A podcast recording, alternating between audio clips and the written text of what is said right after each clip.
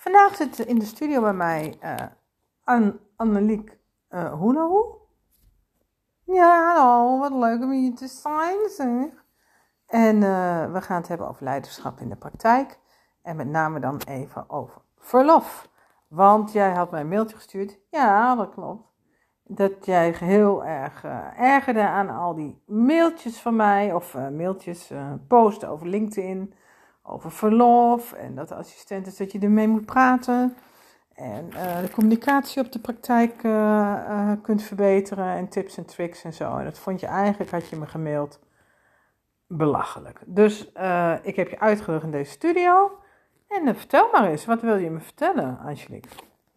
Nou, ik wil je vertellen, ik ben natuurlijk in de eerste plaats ben ik gewoon tandarts. En uh, dat gezeur met die verlof, ik word er gewoon niet helemaal goed van. Uh, vandaag had ik ook assistent. En die zei, nou, uh, ik wil morgen wel vrij. En ze zegt tegen me, mag een vrije dag? En zegt, nou, wat is het dan? Is je kat dood? Is je kind ziek? Wat is het dan? Nee, nee, ze wou dan gewoon een vrije dag. Want je weet het, het was wel lekker lente weer. Ik zeg tegen ik zeg, ja, dit kan wel lekker lenteweer zijn. Maar je kijkt maar in de spiegel, je bent toch tandartsassistent? Ik zeg, het moet niet gekker worden hier met overal maar uit het uh, vrij vragen. En ik ben helemaal klaar mee. De assistenten die zijn vrij wanneer ik vrij ben. En als ik werk, werken zij ook. En als ze er niet mee eens zijn, dan regelen ze het maar onderling het gezeur allemaal. Zeg, wat denk je nou? Dus het is zo in jouw praktijk, uh, Angelique, dat jij denkt van, nou jongens... Uh, pak het gewoon zelf een beetje op. Nou ja, pak het zelf op. Je hebt gewoon te werken. Ik werk toch ook gewoon. Ik snap ja, dat eigenlijk gestuurde mij helemaal niet. Nee, serieus, ik begrijp er helemaal niks van. En ik vind ook gewoon, uh, als je ziek bent, dan kun je ook werken. Ik werk ook soms met 30 graden, of uh, 30, met 38 graden koorts. Dat heb ik ook eens gedaan. Ik heb ook eens een keer dat ik met een dikke antibiotica pil onder de koffiebeker s ochtends... Uh, in de, in de keuken zat. Ik, uh, ik snap dit gewoon niet. Nou, en als je niet bij mij wil werken, dan ga je maar weg. Ja, maar Angelique, nu er toch wel een tekort is aan tandartsassistent, is zo'n houding misschien toch niet een beetje ouderwets. Vind je dat zelf ook? Of, uh, ja, nee, sorry. Ik wil niet zeggen dat je ouderwets bent. Nee, nee, die moet er nog bij komen, zeg.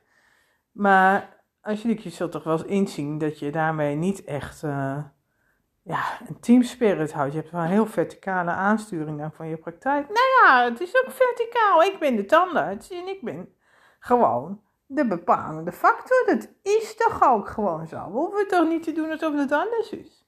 Nou, ik begrijp er allemaal niks van, dat leiderschap met het onzin. Niks leiderschap. Je komt gewoon op de praktijk, je doet je spullen aan, je doet je ding. En uh, als je tijd over hebt, help je elkaar. Je, of je drinkt een kop koffie. En trouwens, koffie drinken Helemaal onzin. Ja, ik hoor wel wat je zegt, maar ik merk wel dat heel veel uh, daardoor echt afknappen in het vak. En uh, ja, dat, ik denk niet meer dat het van deze tijd is. Ik denk echt van deze tijd is om samen zo'n praktijk te, uh, te willen sturen, zeg maar, of te willen vormen. En dat je ook kijkt naar je personeel.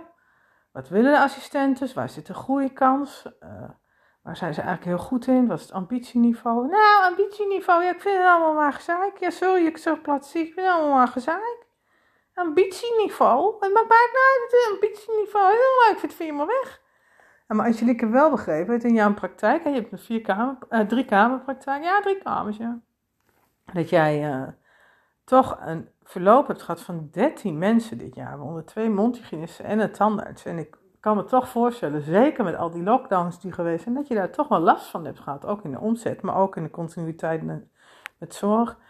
Ja, natuurlijk heb ik er last van gehad. Maar ja, nogmaals, uh, je komt om te werken. En als het werk je niet bevalt, dan ga je wel lekker weg. Nee hoor, ik, uh, ik, nee, ik vind het allemaal maar gezeur. Ik zie het wel vaker, dat is het nieuwe tijdse gedoe. Ik, uh, dat is niks voor mij. Ik, gewoon aan het werk. Ja, dat gezeik de hele tijd ook. Ik begrijp er ook helemaal niks van. Toen ik vroeger zo jong was, was ik al blij dat ik werk had.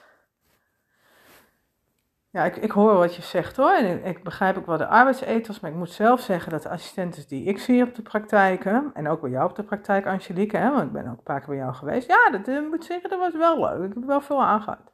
Ja, maar, nou dankjewel.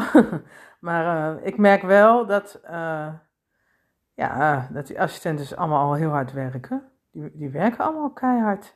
Eh, Ik ken bijna geen één assistente die de kantjes eraf loopt. Nee, ze werken allemaal wel hard.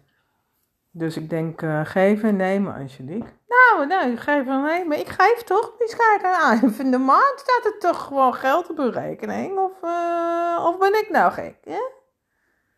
Nou, Angelique, ik wil je bedanken voor je input. Onze tijd zit erop. Hè? Hebben vijf minuten interview elke keer. Ehm, maar ik vind het heel leuk om je tegengeluid te horen. Want tegengeluid mag er gewoon zijn bij KDMS. En eh, ik, eh, ik nodig je eigenlijk graag uit om nog eens een keer eh, verder op in te gaan met me. Misschien met een podcast of dat we een keer een, een opname maken. Nou, dat lijkt me fantastisch. Maar dan doen we het wel via Skype, want eh, helemaal zo naar Hengelo je. Ik was nou toevallig net in de buurt. Ik zeg, nee, nee dat hoeft ook niet hoor. Het is ook een end. Maar eh, dat doen we. Volgende keer doen we via Skype. En trouwens, je weet, ik ben regelmatig in Amsterdam. Dus ik zie je binnenkort ook weer. Nou, dat is goed. Doei. Dag. Nou, dag, dag.